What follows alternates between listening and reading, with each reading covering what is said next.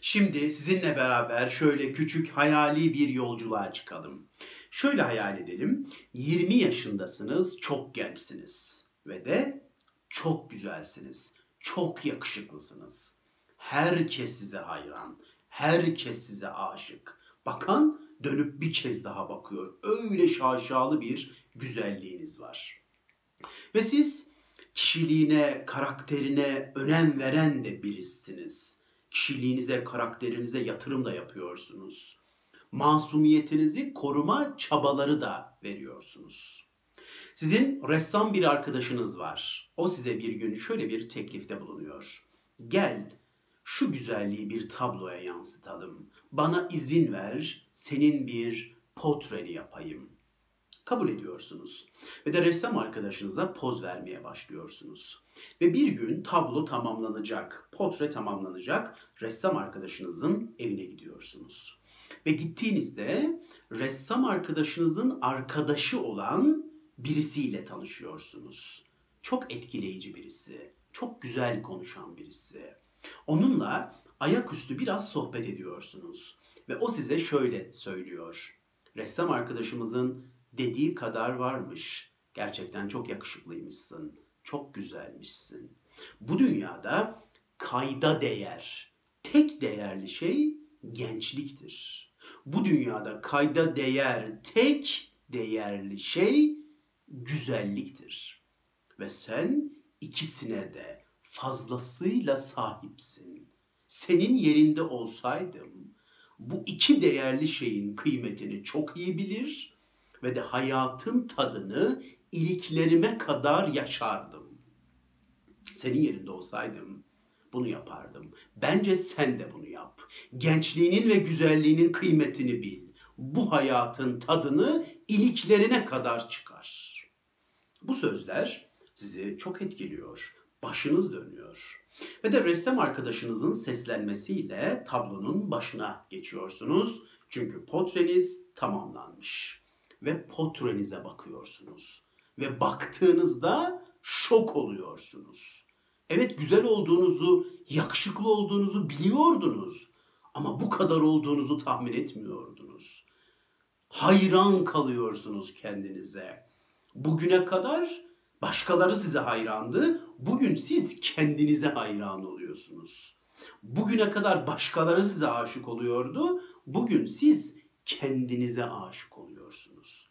Portrenize, kendinize, yüzünüze aşık oluyorsunuz. Tıpkı kim gibi? Narkisos gibi. O da sudaki yansımasını görmüş ve aşık olmuştu.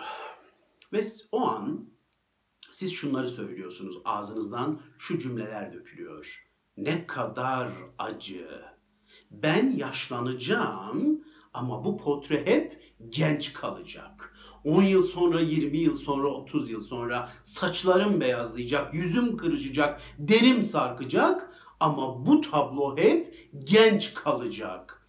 Ne kadar acı, ne kadar üzücü. Ve o an şöyle bir duada, şöyle bir dilekte bulunuyorsunuz.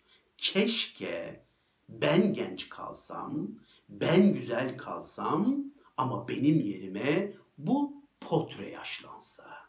Ben hep genç kalsam ve benim yerime bu potrem yaşlansa. Keşke. Ne kadar çok isterdim bunu. Bunun gerçekleşmesi için neleri vermezdim ki?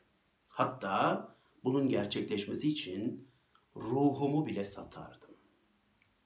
Böyle söylüyorsunuz. Evet, böyle bir dilekte bulunuyorsunuz. Ben hep genç kalayım ama benim yerime bu potrem yaşlansın. Ve bu gerçekleşecekse eğer ruhumu bile satmaya hazırım. Böyle diyorsunuz. Aradan bir ay geçiyor. Ressam arkadaşınız çerçevelerini tamamlamış şekilde tabloyu evinize gönderiyor. Ve bir ay sonra portrenizi gördüğünüzde içinizden geçen şey şu. Bu portre benden bir ay daha genç. Ben ondan bir ay daha yaşlıyım. Bu çok acımasız bir şey. Moraliniz bozuluyor. Hep genç kalmak, hep güzel kalmak istiyorsunuz. Ve bu arada ressam arkadaşınızın evinde tanıştığınız o kişiyle sohbetleriniz devam ediyor. onunla konuşmaları sürdürüyorsunuz. O sizi çok etkiliyor ve de ondan etkileniyorsunuz ve onun tavsiyelerine uyuyorsunuz. Ve de haz odaklı, keyif odaklı, tamamen duyuları doyurma odaklı bir hayat yaşamaya başlıyorsunuz. Ve bu arada kişiliğinizi geliştirme, karakterinizi geliştirme, ruhunuzu güzelleştirme bu konuları bir tarafa bırakıyorsunuz. Varsa yoksa haz, haz, keyif, keyif. Tamamen böyle yaşamaya başlıyorsunuz. Ve de ve de masumiyetinizi de kaybetmeye başlıyorsunuz. Çünkü kötülükler yapmaya başlıyorsunuz. Bir gün bir kötülük yapıyorsunuz ve eve geliyorsunuz. Tablonuza gözünüz ilişiyor ve şok oluyorsunuz yine. Çünkü tablonuz biraz değişmiş. Tablonuz biraz yaşlanmış. Tablonuz biraz çirkinleşmiş. Yok artık diyorsunuz. Hadi canım. Böyle bir şey olamaz. Hayır hayır hayır böyle bir şey olamaz. Tablo değişemez. Tablo nasıl değişsin? Tablo nasıl çirkinleşsin? Bu mümkün değil. Hayır böyle bir şey olmuş olamaz. Ben çok yorgunum. Şu an yanılıyorum. Yatayım sabah bakayım. Eminim sabah kalktığımda potre eski haline dönmüş olur. Yatıyorsunuz, sabah kalkıyorsunuz, koşarak potrenin başına geliyorsunuz. Evet, dün gece yanılmamışsınız. Potreniz değişmiş. Potreniz biraz çirkinleşmiş, biraz yaşlanmış. Ve o an bir ay önce ressam arkadaşınızın, birkaç ay önce ressam arkadaşınızın evinde ettiğiniz o dua aklınıza geliyor. Yoksa, yoksa o dua mı gerçekleşti? Yoksa benim yerime potrem mi yaşlanacak? Yoksa ben hep genç mi kalacağım? Bu arada aylar ayları, yıllar yılları kovalıyor. Dedim ya ressam arkadaşınızın evinde tanıştığınız o kişiyle sohbetleriniz hep devam ediyor.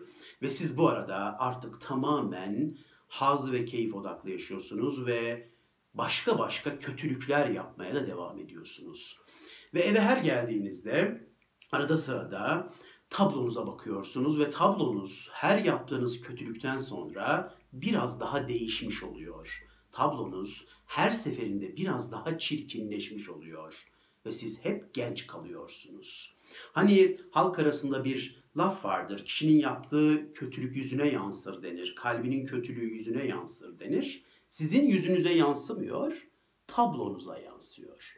Tablonuz resmen sizin, potreniz resmen sizin ruhunuz, kişiliğiniz, karakteriniz, benliğiniz ve siz bir kötülük yaptığınızda bedeli potreniz ödüyor.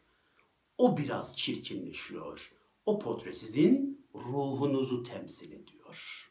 Ve bu arada siz hep genç, hep güzel kalıyorsunuz. Yıllar herkesi eskitiyor ama sizi hiç eskitmiyor. Hep güzelsiniz, hep gençsiniz. Ama o tabloya, potreye bakmak artık dayanılmaz bir noktaya geliyor. Çünkü artık çok çirkinleşmiş. Ve de en iyisi diyorsunuz onu saklayayım. Kimsenin kullanmadığı bir odaya götürüyorsunuz portrenizi, tablonuzu. Üstüne de bir örtü örtüyorsunuz ve kapıyı kilitleyip çıkıyorsunuz. Artık hiç bakmayacağım ona. Hayır ona baktığımda moralim bozuluyor. Hayır bakmayacağım. Ama yine de merakınıza yeniliyorsunuz. Arada sırada odayı açıyor, perdeyi kaldırıp portrenize bakıyorsunuz ve dayanamıyorsunuz. O çirkinliği görmeye dayanamıyorsunuz. Hemen perdeyi kapatıp kapıyı kilitleyip çıkıyorsunuz. Dedim ya yıllar yılları kovalıyor. Portreniz artık bakılmayacak bir hale geliyor. O kadar çirkinleşmiş ki, o kadar kötü ki artık. O bakılmayacak bir hale geliyor.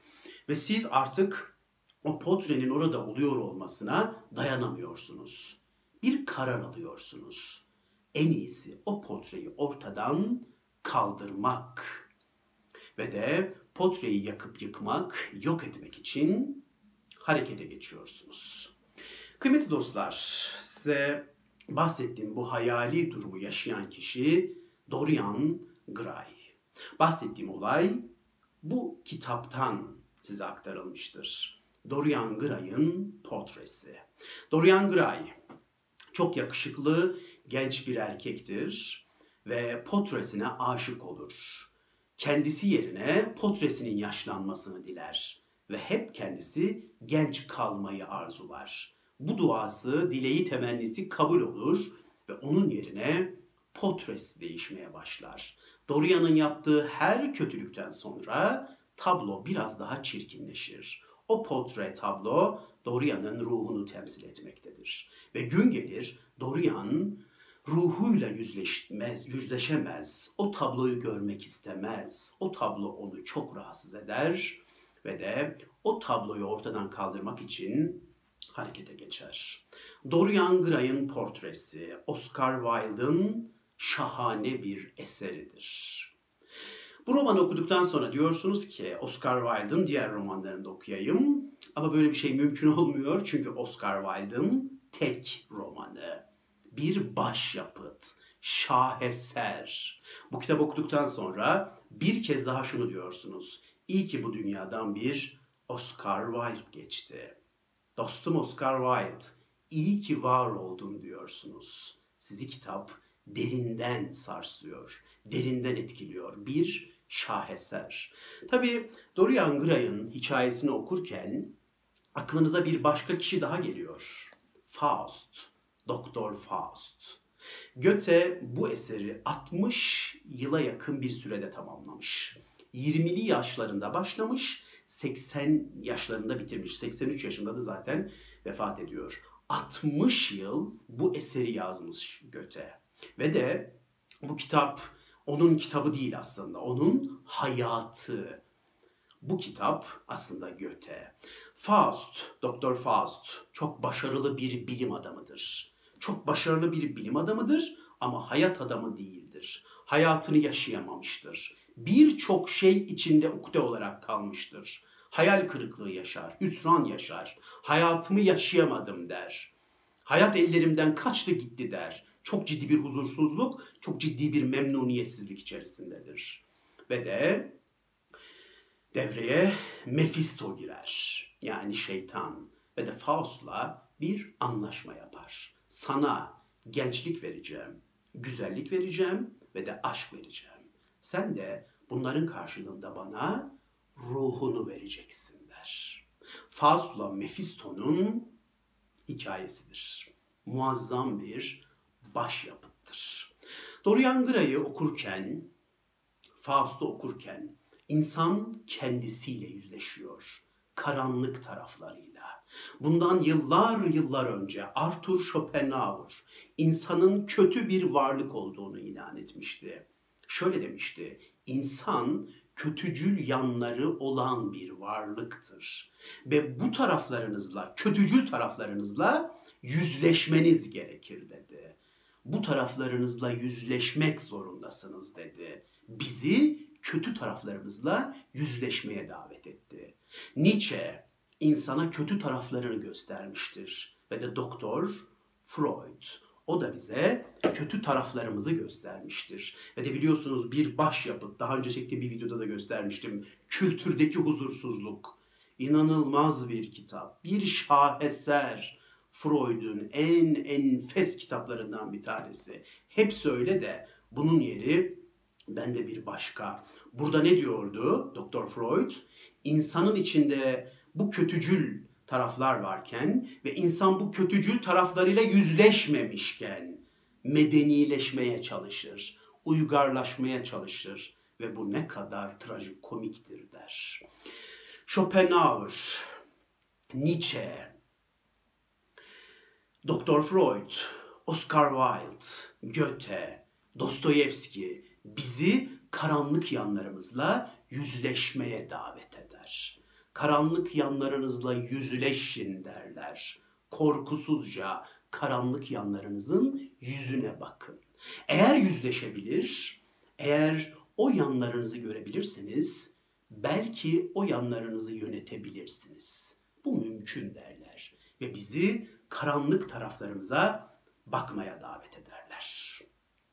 Evet, Dorian Gray'ı, Dorian Gray'ın portresini okuyun. Oscar Wilde'ı okuyun. Faust'u okuyun, Goethe'yi okuyun. Kültürdeki huzursuzluğu okuyun. Schopenhauer'u, Nietzsche'yi okuyun. Doktor Freud'u okuyun. Dostoyevski'yi okuyun. ve de karanlık taraflarınızla yüzleşin. Ve bunu hepimiz yapmalıyız. Karanlık taraflarımızla yüzleşmeliyiz. Çünkü her birimiz biraz Dorian Gray'ız. Biraz Faustus.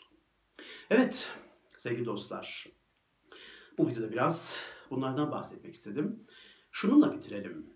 İnsan hep genç kalmak ister. İnsan hep güzel kalmak ister. İnsan şan ister, şöhret ister, ün ister. Sahnede ışık hep benim üstümde olsun ister. Göz önünde olmak ister. Hep alkışlanmak ister. Hep övülmek ister. Hep parmakla gösterilmek ister. Herkes bana aşık olsun ister. Herkes beni beğensin ister. Bana bakan bir kez daha dönüp baksın ister. Güç ister, iktidar ister, makam mansıp ister. İnsan bunları ister. Ve bu istediklerini gerçekleştirebilmek için kimi zamanlarda Dorian Gray olur. Kimi zamanlarda Faust olur. Ve ruhunu şeytana satabilir. Evet, ruhunu şeytana satmak. Siz bunu yapar mıydınız? Ruhunuzu şeytana satar mıydınız? Hep genç kalma uğruna ruhunuzu şeytana satar mıydınız? Hep güzel kalma uğruna, istediğiniz kimi şeyleri, o gücü elde etmek adına ruhunuzu şeytana satar mıydınız? Çok zor sorular. Cevaplaması çok zor sorular. Evet, hepimiz biraz Dorian Gray'ız. Hepimiz biraz Faustus. Dinlediğiniz için çok teşekkür ederim. Hoşça kalın.